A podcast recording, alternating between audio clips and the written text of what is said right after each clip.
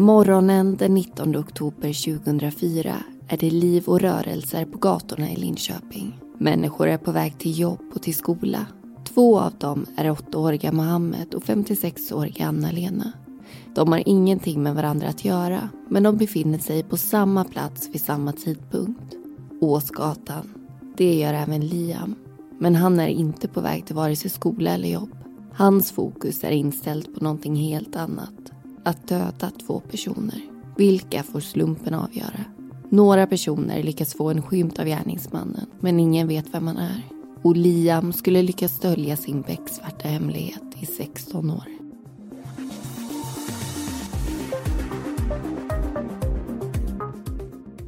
Du lyssnar på Mordpodden, en podcast om den mörka verkligheten. I veckans avsnitt berättar vi om dubbelmordet i Linköping.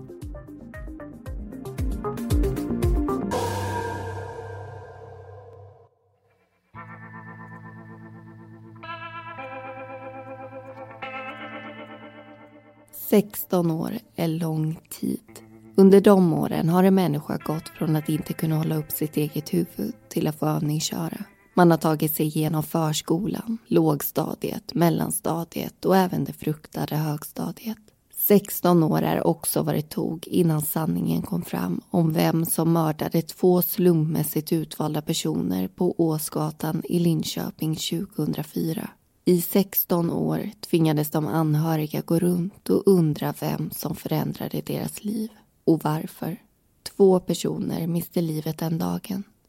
Den enda anledningen till att de gjorde det var för att de befann sig på fel plats vid fel tidpunkt. Hade de inte varit där hade två andra personer fått sätta livet till. För två personer skulle dö den här dagen.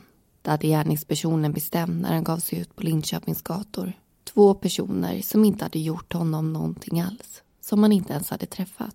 Ändå tog han beslutet att de inte skulle få leva mer. Han berättade aldrig för någon vad han hade gjort utan gick i ensamhet och bar på den mörkaste hemligheten man kan tänka sig. Men till slut kom ändå sanningen fram.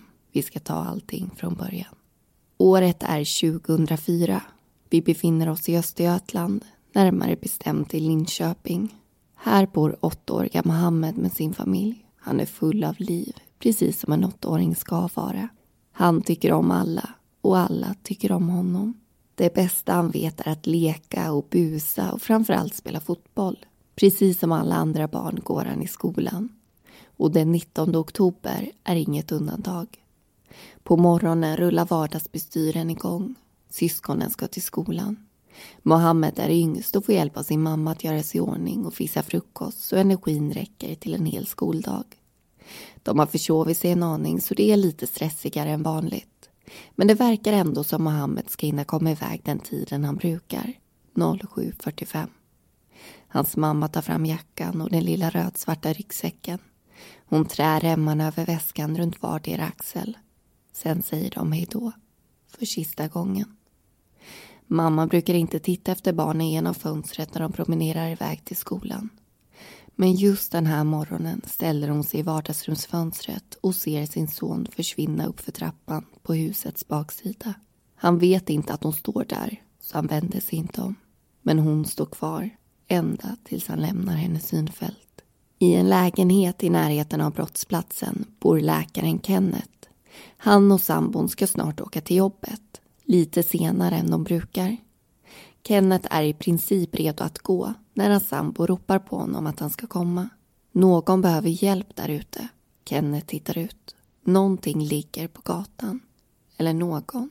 Det är svårt att säga. Han tycker sig höra ett svagt rop på hjälp. Kenneth tar snabbt på sig jacka och skor och rusar ut. Han kommer ut i trapphuset samtidigt som sin granne som också verkar uppfattat att någon behöver deras hjälp. Det ligger en kvinna på gatan. Kennets första tanke är att hon har ramlat och kanske har brutit något så han går fram för att höra vad som har hänt och vad han kan göra för henne. Han får snabbt klart för sig att det är en allvarlig situation han precis har klivit in i. Kvinnan berättar att hon blivit knivskuren och börjar prata om en pojke. Kenneth får inte riktigt ihop vad det är hon menar. Är det en liten pojke som attackerat henne? Men så pekar den skadade kvinnan neråt gatan och där ligger en liten pojke, alldeles stilla. Kenneth går dit Pojken är inte vid medvetande, men ger ifrån sig ett djupt suckande andetag innan han återigen blir helt tyst. Kenneth förstår att han inte kan göra något för det lilla barnet hur mycket han än skulle önska och går tillbaka till kvinnan och fortsätter prata med henne. Hon är klar och samlad och verkar kunna hantera smärtan bra trots att hon precis blivit knivskuren. Men andetagen är korta och snabba. Kenneth förstår att läget är kritiskt och försöker få henne att hålla sig lugn och inte anstränga sig för mycket med att prata. Men några ord får hon fram som kommer bli av stor betydelse för utredningen. Hon säger att det hela är vansinnigt. Någon hade hoppat på henne helt oprovocerat. En man i 20-årsåldern. Kenneth ber grannen som följt med ut att ringa ambulans och polis. Med tanke på vad som har hänt är det här ett ärende för båda. Väntan på hjälpen känns lång. Kvinnans hand ligger tryggt i hans. När tiden går utan att någon kommer ringer grannen en gång till för att dubbelkolla så de verkligen vet vilken adress de ska åka till. Till slut hörs det efterlängtade ljudet av sirener. Polisen är först på plats och Kenneth vinkar dem till sig. Han återberättar vad kvinnan har sagt. Mer hinner han inte innan även ambulans dyker upp. Personalen tar hand om kvinnan och kör iväg. På sjukhuset visar det sig att kvinnan har allvarliga inre blödningar och hon avlider tragiskt nog till följd av sina skador. Mohammeds syster är försenad till skolan och skyndar sig för att hinna i tid. Hennes lillebror har redan gått. Förut brukar de ta sällskap men sen han slutade förskoleklass har han velat gå själv. När systern kommit en bit hemifrån ser hon blinkande ljus lite längre fram. Hon tror först att det är ett vägarbete men när hon kommer närmare förstår hon att det är en ambulans. På marken ligger en person med likadana kläder som Mohammed. Men hon vill ändå inte tänka tanken att det kan vara han. En polis kommer fram och säger att hon inte kan gå förbi där utan måste ta en annan väg. Hela situationen är obehaglig så istället för att fortsätta till skolan vänder systern hem. Väl där berättar hon för sin mamma vad hon har sett. Hon känner sig illa till mods och vill inte gå själv till skolan. Så hennes mamma tar på sig kläder och följer med. Eftersom den vanliga vägen förbi trapporna är avspärrad väljer de en annan. Mamman följer med dottern hela vägen till klassrummet innan hon vänder hemåt. Mohammeds syster berättar för sin lärare vad hon har sett och ber att få ringa till Mohammeds skola. Hon får tillåtelse till det. Men det blir inte det lugnande beskedet hon hade hoppats på. När hon ringer skolan får hon veta att hennes lillebror aldrig hade kommit dit. Kroken där den rödsvarta lilla ryggsäcken skulle ha hängt står tom och rummet börjar snurra.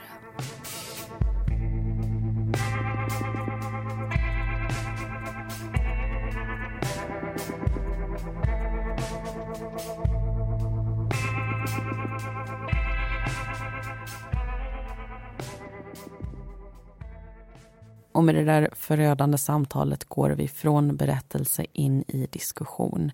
Det är alltså dubbelmordet i Linköping som det här avsnittet handlar om. Ett fall som både kan klassas som äldre och aktuellt på en och samma gång. Ja, det ägde ju som sagt rum 2004 och jag tänker på en gång att det inte är så länge sedan. 2004 känns i min värld som ungefär tio år sedan. Men så räknar man efter och inser att det faktiskt är 17 17 år sedan, så det är ganska många år sedan det här utspelade sig. Men fallet fick sin upplösning förra året och det gör också det här fallet väldigt speciellt såklart. Det är ju fantastiskt att det går att lösa en mordhistoria efter så lång tid samtidigt som det är fruktansvärt att en mördare kan gå fri och familjer tvingas leva på utan svar och utan att någon ställs inför rätta under så många år och vad det är som gör att man till slut får tag i rätt person efter just de här många, många åren. Det kommer vi gå in på lite senare i avsnittet. Eh, nu ska vi dock titta på andra saker och även diskutera. Och vi tänkte ju börja med vittnet som vi i det här avsnittet har valt att kalla för Kenneth. Ja, han gör nämligen någonting väldigt smart. Han blir indragen i någonting oerhört traumatiskt och kaosartat. Han hör någon ropa på hjälp, springer ut på gatan, ser en kvinna ligga där som man tror har brutit något. Men så visar det sig alltså att hon har blivit knivskuren. Han håller i hennes hand, pratar med henne, stöttar henne tills ambulansen kommer dit och mitt i allt så ser han också ett litet barn som inte längre lever. Och det är ju minst sagt en surrealistisk upplevelse han är med om. Men ändå tänker han klart efteråt och gör något som alla som blir vittne till brott borde göra. Ja, redan på eftermiddagen samma dag så sätter han ju sig ner framför sin dator och skriver minnesanteckningar om det som han har varit med om. Och det berättar han för polisen redan vid det första förhörstillfället och han lämnar också över det som han har skrivit, vilket i sin tur blir en vital del för deras utredning av det här brottet. Och det är väldigt smart att göra det, för man glömmer ju faktiskt snabbare än man tror man gör. Ja, dels glömmer man, men sen också risken stor att man med tiden faktiskt förvränger sina egna minnesbilder. Man kan alltså tro att man kommer ihåg något, men i själva verket så är det yttre faktorer man har stött på efteråt som får en att ändra minnet. Och det är därför man inte ska prata med andra om det man minns innan man har pratat med polisen. Vi pratade om det här under vår journalistutbildning, kommer jag ihåg. Säg till exempel att du och jag går på stan och ser en person bli rånad mitt på gatan om vi sen pratar med varandra och du börjar prata om hans keps så kanske jag tror att jag såg en keps trots att jag egentligen inte la märke till att han hade något på huvudet eller såg en annan huvudbonad. Men då kan jag ändå skapa mig en tydlig falsk minnesbild av den där kepsen och beskriva den för polisen trots att jag inte sett den i verkligheten. Jag bara tror att jag har gjort det för att jag har hört dig prata om den. Och det är såklart det mest naturliga att börja prata om det man har varit med om, speciellt när det är någonting häpnadsväckande. Men egentligen borde man alltså vara tyst och ta fram papper och penna istället. Och att prata och skriva ner de här två sakerna som du nämner, det är olika sätt för människor att bearbeta information. Och pratar vi också om ett brott som omständighet så är ju det inget de flesta av oss är vana att se eller till och med vara med om. Och då finns det ju ett behov att just gå igenom det. Men det enda egentligen som vi kan rekommendera det är ju det du säger Amanda, att försöka ta det första samtalet med polisen och ingen annan. Och i den första berättelsen så har vi berättat mycket om åttaåriga Mohammed. Men det var ju faktiskt två personer som föll offer under det här vansinnesdådet. Och den andra var ju Anna-Lena som vi ska ägna en del av eh, den här diskussionen åt. Anna-Lena var 56 år gammal och hade i 15 år jobbat som svensklärare för invandrare. Hon var väldigt omtyckt av sina elever och fick ofta presenter av dem för att de helt enkelt ville visa sin uppskattning. Och hon var på väg just till sitt jobb när hon blev överfallen. Och vi ska heller inte glömma att det faktiskt är morgon som det handlar om. Det här är ju ingen trång gränd mitt i natten utan det här brottet det utspelar sig på en vanlig gata i dagsljus. Eh, och det kan ju vara svårt att förstå hur vardagsbestyren som vi själva går igenom varje dag för en annan helt plötsligt kan övergå till en mardröm. Nu handlar ju det här alltså om en person som ger sig på två helt slumpmässigt utvalda offer. Men det hör ju inte till vanligheterna utan i de allra flesta fall så är det ju faktiskt någon i offrets närhet som är gärningspersonen. Och det är där polisen brukar titta först. De måste ju utesluta det för att kunna gå vidare. Och de anhöriga blir till en början förhörda både om eventuella hotbilder och även deras relationer. Och även om jag såklart förstår varför så kan jag inte låta bli att tänka på hur jobbigt det här måste vara för de anhöriga. Här har man precis förlorat någon man älskar och så ska man själv bli ifrågasatt. Och vi kan ju aldrig veta hur de anhöriga känner sig. Vi kan bara försöka föreställa oss. Men jag kan tänka mig att det uppstår en frustration när man själv vet att den riktiga gärningspersonen går fri där ute medan polisen lägger tid på att kartlägga familjen. Men polisen har ju också Anna-Lenas information och det pekar ju i en annan riktning. Hon hinner ju berätta om attacken och hur oprovocerad den var. Och något samband mellan henne och Mohammed det finns ju inte. Så det är ju ändå mycket som talar för att det faktiskt handlar om ett vansinnesdåd. Vilket gör att polisen ändå lägger undan de här andra teorierna ganska snabbt och fokuserar på en okänd gärningsperson. Och med den insikten så tycker jag att vi rundar av och vi lyssnar vidare på berättelsen.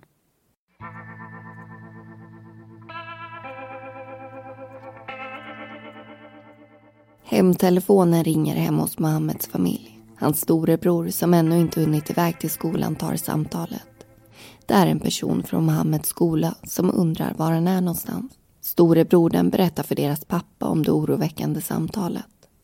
Pappan tar på sig jacka och går mot den avspärrade platsen. Vid ett blåvitt rep går han fram till en polis. Polisen förklarar att de inget kan säga. Pappan berättar att hans son är saknad i skolan uppger Mohammeds namn och personnummer. Sen blir hela familjen körd till sjukhuset där de får ta emot beskedet som blir entrén rakt in till mardrömmen som ingen familj borde behöva uppleva. Även Anna-Lenas familj tvingas inse att de är med om det ofattbara. Hon lämnade bostaden kvart i åtta på morgonen för att gå till sitt jobb. Men innan hon gick påminde hon sin man om att hon skulle sluta en timme senare och bad honom sätta på risgrynspuddingen i tid så den var varm lagom tills hon kom hem. Efter att ha tittat på tv en stund drog Anna-Lenas man upp persiennerna i sovrummet och köket. När han gick vidare in i vardagsrummet såg han två ambulanser och tre polisbilar utanför. Plastband märkte tydligt upp ett utvalt område. Tankarna började snurra. Kunde det vara en övning? En trafikolycka? Han såg på sin telefon att en granne hade försökt ringa honom flera gånger. Allt blev dimmigare och dimmigare och kroppen började ställa in sig på det värsta. I trapphuset mötte han en polis och snart rämnade även hans värld. Bara några meter från ett av brottsoffren hittas en kniv som tas i beslag. Den är blodbesudlad och med största sannolikhet mordvapnet. Alla ställer sig såklart den självklara frågan. Vem är personen som en helt vanlig morgon rusar ut på en central gata i Linköping och dödar två personer? Och därmed orsakar en obeskrivlig och oändlig sorg för många runt omkring. Och framför allt, varför? Just vem och varför brukar ofta höra ihop. Genom att rassla ut den ena gåtan får man ganska lätt fram svaret till den andra.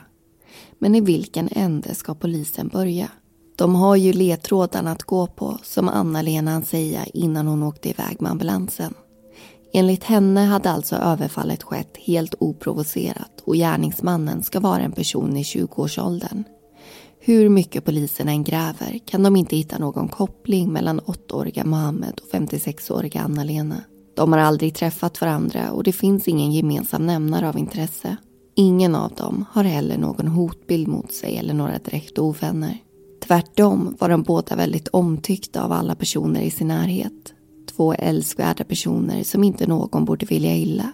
Ändå var det just de som blev överfallna den där morgonen på Åsgatan. Mohammed attackerades först så det började spekulera kring om han var det tänkta offret och Anna-Lena bara en person i närheten som blev slumpmässigt indragen och en del av den stora tragedin. Men ett motiv är omöjligt att hitta och det är förståeligt. Det finns ju inget. Några ledtrådar finns det ändå att gå på för polisen. Eftersom morden skedde i morgonruschen finns det några vittnen till händelsen. De säger att gärningsmannen är en man som hade en svart, eller i alla fall en väldigt mörk mössa på huvudet. Dagen före dubbelmordet äger rum cyklar David till Lika för att handla. På inköpslistan står mjölk och ost. Han parkerar sin cykel och låser fast den i ett stålräcke framför butikens entré. Det är då han får syn på tidningsstället. David har hört talas om en ny gratistidning som ska börja distribueras och förstår att stället är tänkt att användas till den. Han går fram och tittar närmare på det. Det är tomt. Gratistidningarna kommer inte komma dit förrän på onsdag. Men då kommer det inte finnas något tidningsställ där. Det kommer befinna sig på statens kriminaltekniska laboratorium och tidningarna kommer hamna på marken. På ena långsidan av lådan sitter en plexiglasskiva som David plockar bort och känner på. Han har nämligen planer på att skaffa sig någonting liknande till sin musikanläggning och vill undersöka materialet. Den är väldigt böjlig. Ett annat föremål fångar hans uppmärksamhet. Det är mörkblått eller svart. Definitivt något stickat.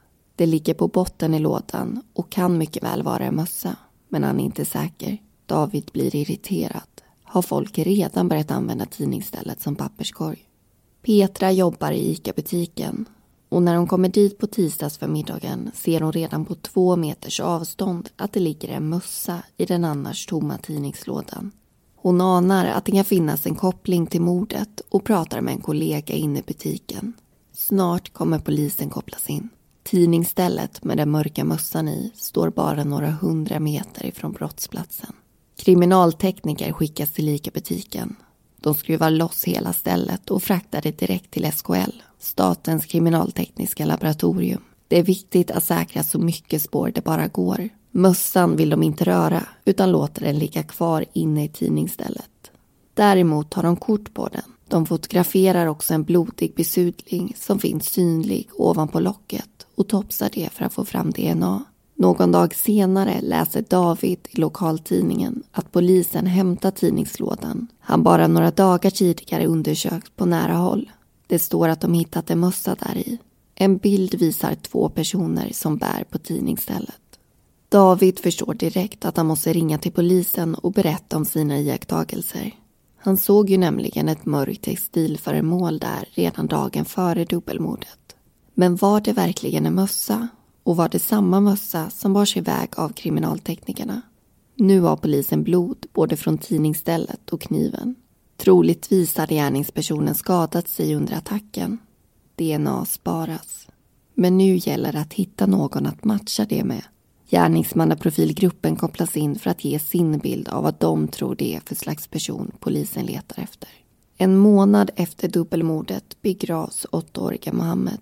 Många, många år för tidigt. Han begravs i familjens hemland Libanon.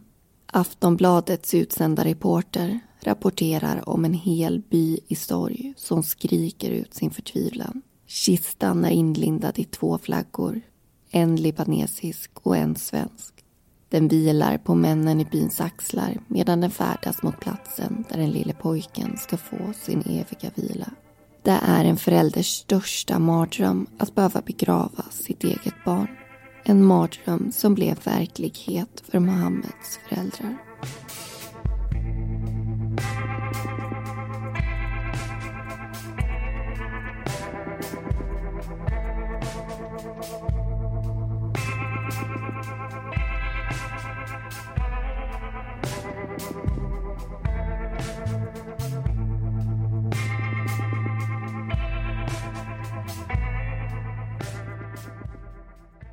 Ja, då får vi hälsa er välkomna in i den andra diskussionen av dubbelmordet i Linköping. Det är ju mycket med det här fallet som är häpnadsväckande, som ni säkert har förstått utav det som har framkommit hittills.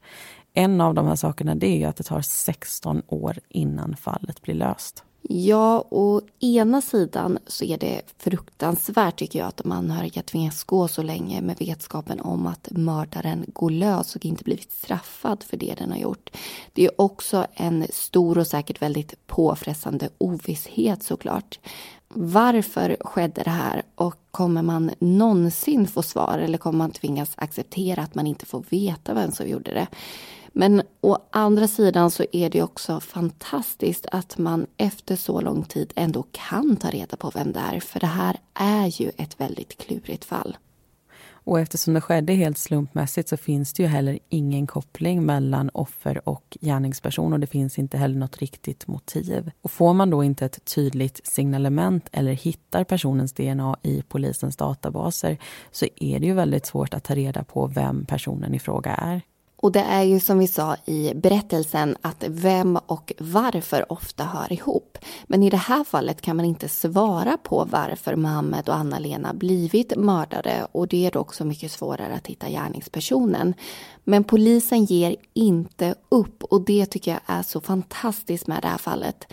Trots svårigheterna och bakslagen så är de hela tiden optimistiskt övertygade om att de kommer hitta gärningsmannen. Och efter 16 år så lyckas de alltså. Men inte själva, utan med hjälp av en släktforskare från Härnösand som heter Peter Sjölund. Utan honom hade förmodligen inte det här fallet blivit löst. Och vi har tittat på TV4s dokumentär som finns på Simor som heter DNA-detektiven Dubbelmordet i Linköping. En oerhört välgjord serie i två delar där flera poliser och även Peter Sjölund berättar om hur de löste den här gåtan. Och vi tänkte såklart berätta i stora drag här hur det gick till. Men vi rekommenderar er verkligen att titta på serien om ni vill veta mer ingående hur de grävde sig fram till det här svaret. Och polisen har ju alltså DNA från gärningspersonens mössa. De har tidningsstället och kniven. Men det gäller ju för dem att matcha det med någon och i deras databaser så finns ju inte den här personen. Och medan tiden går så växer också en större och större oro i Linköping. För det handlar inte bara om att personen ska stå till svars för de här morden utan det handlar ju också om att så länge han är fri så kan han faktiskt göra samma sak igen. Och därför är det ju extra viktigt att få tag i en sån här gärningsperson som har agerat helt oprovocerat och förmodligen är psykiskt sjuk. För det som triggade honom första gången, det kan ju faktiskt komma tillbaka och trigga honom igen. Och polisen tar hjälp av gärningsmannaprofilgruppen i början av utredningen för att skapa sig en bild av vad det är för människa de letar efter.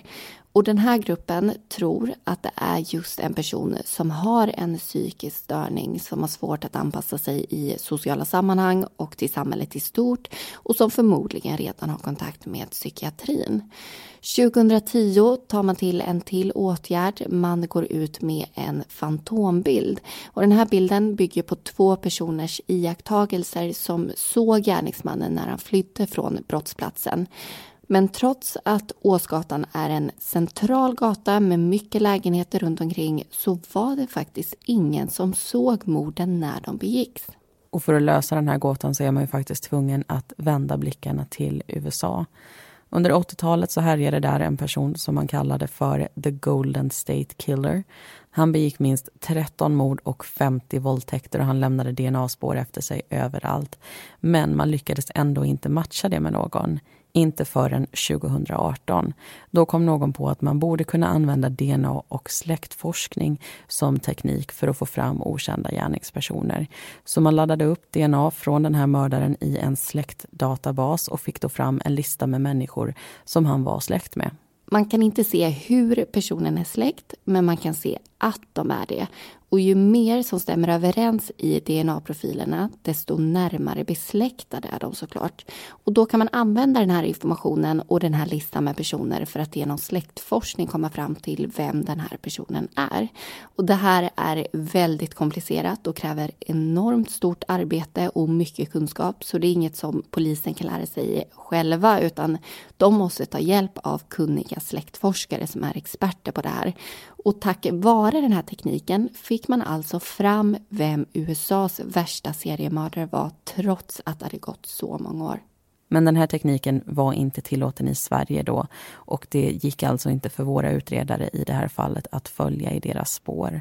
Den testades för att ta reda på vem ett okänt mordoffer var men den fick inte lov att testas för att ta fram en gärningspersons identitet inte förrän 2019. Då gjordes en lagändring och polisen som utredde dubbelmordet i Linköping fick lov att använda den här metoden i ett pilotprojekt. Och de tog då hjälp av släktforskaren Peter Sjölund som var oerhört kompetent och även väldigt angelägen om att hjälpa till. Men tyvärr så innehöll DNA som de sparat från gärningsmannen 2004 väldigt lite information. Så när de laddade upp det i databasen i USA så fick de inte alls många träffar. De var inte ens säkra på att personerna som fanns i listan var släkt med gärningspersonen. Släktforskaren gjorde vad han kunde med den informationen de hade men han insåg till slut att han kört fast. Det fanns alldeles för många vägar att gå. Men varken han eller polisen gav upp och 2020 försökte de ta fram en ny DNA-profil med mer information från något litet blodspår och något löv som man hade sparat. Och det lyckades. Så de fick fram en tydligare profil. Men sen får vi inte glömma att hela den här tekniken den hänger ju på att det också finns släktingar i den här databasen. Och det kräver ju att många har topsat sig och också laddat upp sitt DNA där. Polisen och släktforskaren trodde ju att gärningspersonen hade sina rötter i närheten av Linköping så de bad ju kollegor runt om i Östergötland att topsa sig. Och bland dem så fanns det ju faktiskt en matchning med gärningspersonens DNA-profil. De var alltså på något vis släkt, väldigt långt ifrån varandra men ändå släkt. Och släktforskaren gjorde då ett gediget arbete och helt enkelt släktforskade åt gärningspersonen. Kollade i kyrkböcker och folkbokföringen och lyckades till slut hitta fram till rätt familj. Och nu när vi sammanfattar det på det här viset så låter det som ett snabbt och enkelt uppdrag. Men efter att ha sett den här dokumentären förstår man verkligen vilket hästjobb det handlar om. Som ingen som inte besitter den här kunskapen skulle klara av. Och I den här familjen så finns det två bröder. Någon av dem är alltså gärningspersonen. Det är släktforskaren helt säker på vid det här tillfället. En av bröderna har familj, bostad, jobb. Den andra bor ensam i en liten etta, är arbetslös och verkar inte ha något direkt socialt umgänge. Och utifrån gärningsmannaprofilgruppens beskrivning så är det ju ganska uppenbart. Head over to Hulu this March where our new shows and movies will keep you streaming all month long. Catch the award-winning movie Poor things starring Emma Stone, Mark Ruffalo and Willem Dafoe. Check out the new documentary Freaknik, The Wildest Party Never Told about the iconic Atlanta Street Party. And don't miss FX's Shogun a reimagining of the epic tale starring Anna Sawai. So, what are you waiting for? Go stream something new on Hulu. Vem av dem det borde vara. Men man får inte låta fördomar styra utan båda bröderna hämtas in till stationen. Nästan på en gång faktiskt, för man vill inte riskera att gärningsmannen skulle begå nya brott medan de väntade. Så det var alltså tack vare ny DNA-teknik, en släktforskare från Härnösand och poliser som aldrig gav upp som det här fallet fick sin lösning. Och med det så ska vi faktiskt backa tillbaka lite i tiden. Några månader innan Liam anhölls så fick ju polisen nämligen in ett tips som pekade ut just honom. Och det och Liams egna historia om vad som hände ska vi lyssna till nu.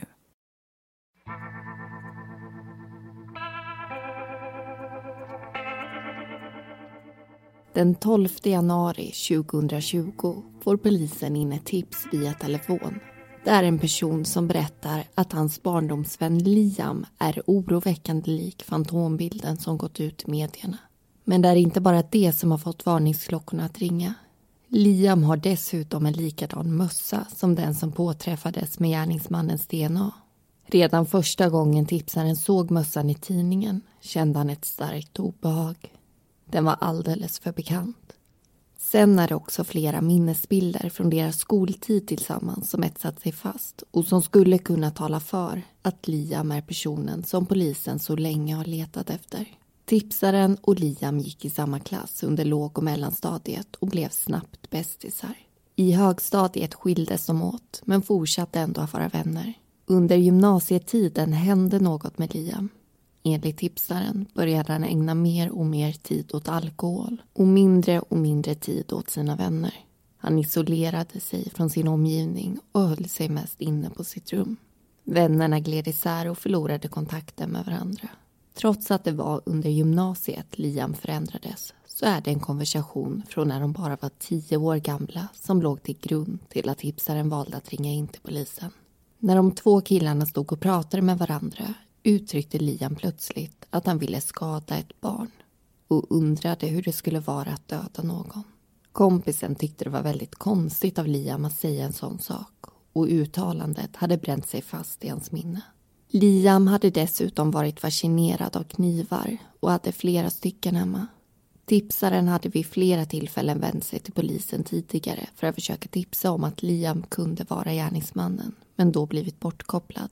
Men den här gången hade han bett om att få prata direkt med någon av utredarna som hade hand om fallet och lyckades då komma fram. Den 16 januari 2020 skickar polisen ut en kallelse till Liam. I kallelsen står det att de utreder dubbelmordet i Linköping och att de har uppgifter på att Liam bott eller befunnit sig i Linköping den aktuella tiden och därför vill träffa honom för ett kort förhör och DNA-prov. Men det poängteras också att han inte är misstänkt utan kommer topsas som en i mängden och att provet är frivilligt. Tid och plats står klart och tydligt. Måndagen den 27 januari klockan 9.00 ska Liam infinna sig på polishuset i Linköping. Men när dagen kommer blir en kopia på kallelsen nerklottrad med versaler. Kom ej! Utropstecken, står det. Liam dök alltså aldrig upp och det är inte ovanligt eller på något sätt uppseendeväckande i de här sammanhangen. Så polisen går vidare med andra spår. Men den 9 juni hämtas Liam in till polisstationen. Den här gången är det inte frivilligt. Han eller hans bror, som också hämtas in, är med största sannolikhet den personen som dödade Anna-Lena och Mohammed. Det tar inte lång tid innan polisen förstår att brodern inte har någonting med morden att göra utan att det är Liam de söker. Den 21-åriga gärningsmannen som nu är 37. För första gången på 16 år berättar han vad som hände den där oktobermorgonen 2004. Veckan innan dubbelmordet växer sig en bild starkare och starkare inom 21-årige Liam. Bilden föreställer tre prickar. Han ser dem om och om igen. Han förstår vad prickarna symboliserar. Två av dem symboliserar två för honom okända personer som måste dö. Vilka de här två personerna är spelar ingen roll. Men han måste döda dem. Annars får han ingen sinnesro. Den tredje pricken är han själv. Bilden kommer förfölja honom tills han har slutfört sitt uppdrag. Han ser ingen annan utväg. Han måste få bort de här tankarna, de här bilderna. De har stört hans nattsömn. Men när han vaknar hemma hos sig den 19 oktober 2004 vet han att det är slut på sömnlösa nätter. Det är idag han ska ingripa. Att ta hjälp utifrån för att få bukt på de här obehagliga tankarna är inget alternativ han överväger. Han berättar inte om dem för någon utan tänker ta saken i egna händer. Liam hoppar på en buss som det står Linköping på. Med sig i fickan har han en kniv. Kniven hade han köpt som souvenir under en Polenvistelse flera år tidigare. Den låg närmast till hands och passar även bra i fickan. Därför fick det bli just den trots att han hade några att välja på. Liam kliver av bussen vid Köpmansgränd i närheten av en hamburgerrestaurang. Det är en vanesak för honom att gå av just där.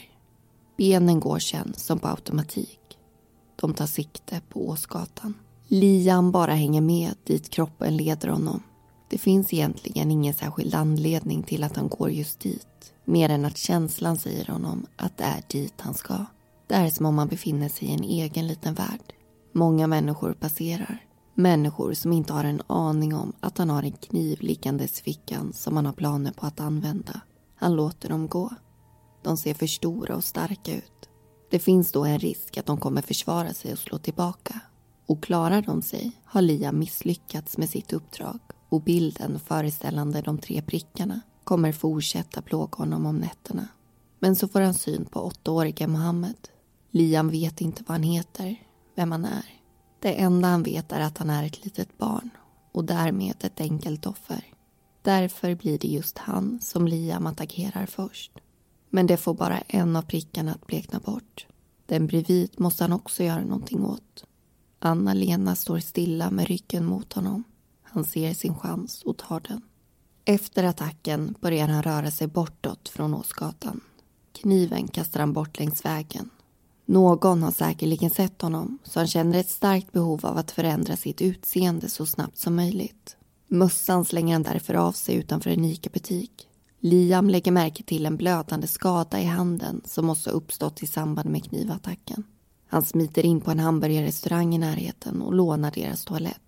Där tvättar han bort blodet och känner sig genast mindre kladdig.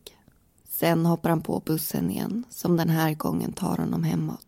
Han lämnar Linköping och två sargade familjer bakom sig. Bilden i huvudet som förföljt honom under en veckas tid är borta. Äntligen kan han sova gott om nätterna igen. Äntligen är han fri. Fri skulle han också vara i 16 år. Han berättar inte sin hemlighet för någon.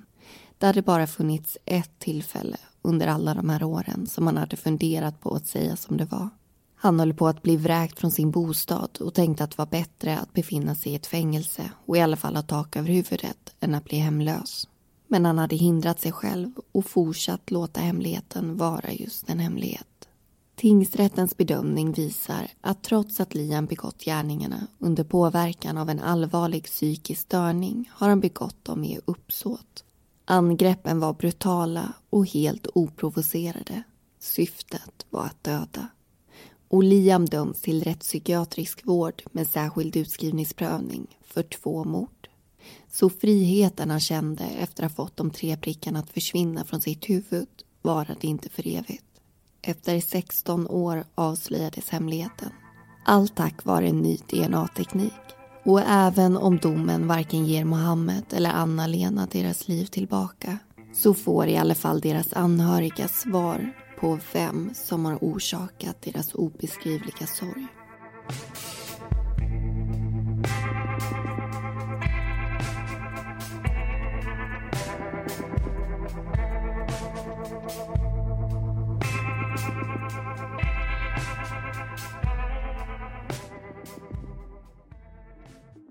Och det var allting vi hade att berätta om dubbelmordet i Linköping. Alla personer förutom Mohammed och Anna-Lena heter egentligen någonting annat.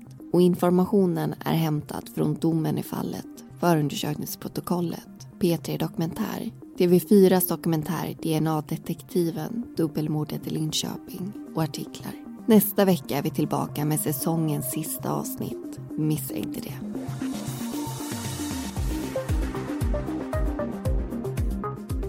Du har lyssnat på Mordpodden. Vi som har producerat den heter Amanda Karlsson och Linnea Bolin. Bakgrundsmusiken var bland annat Soaring av Kevin MacLeod och Deep Space av Audionautics.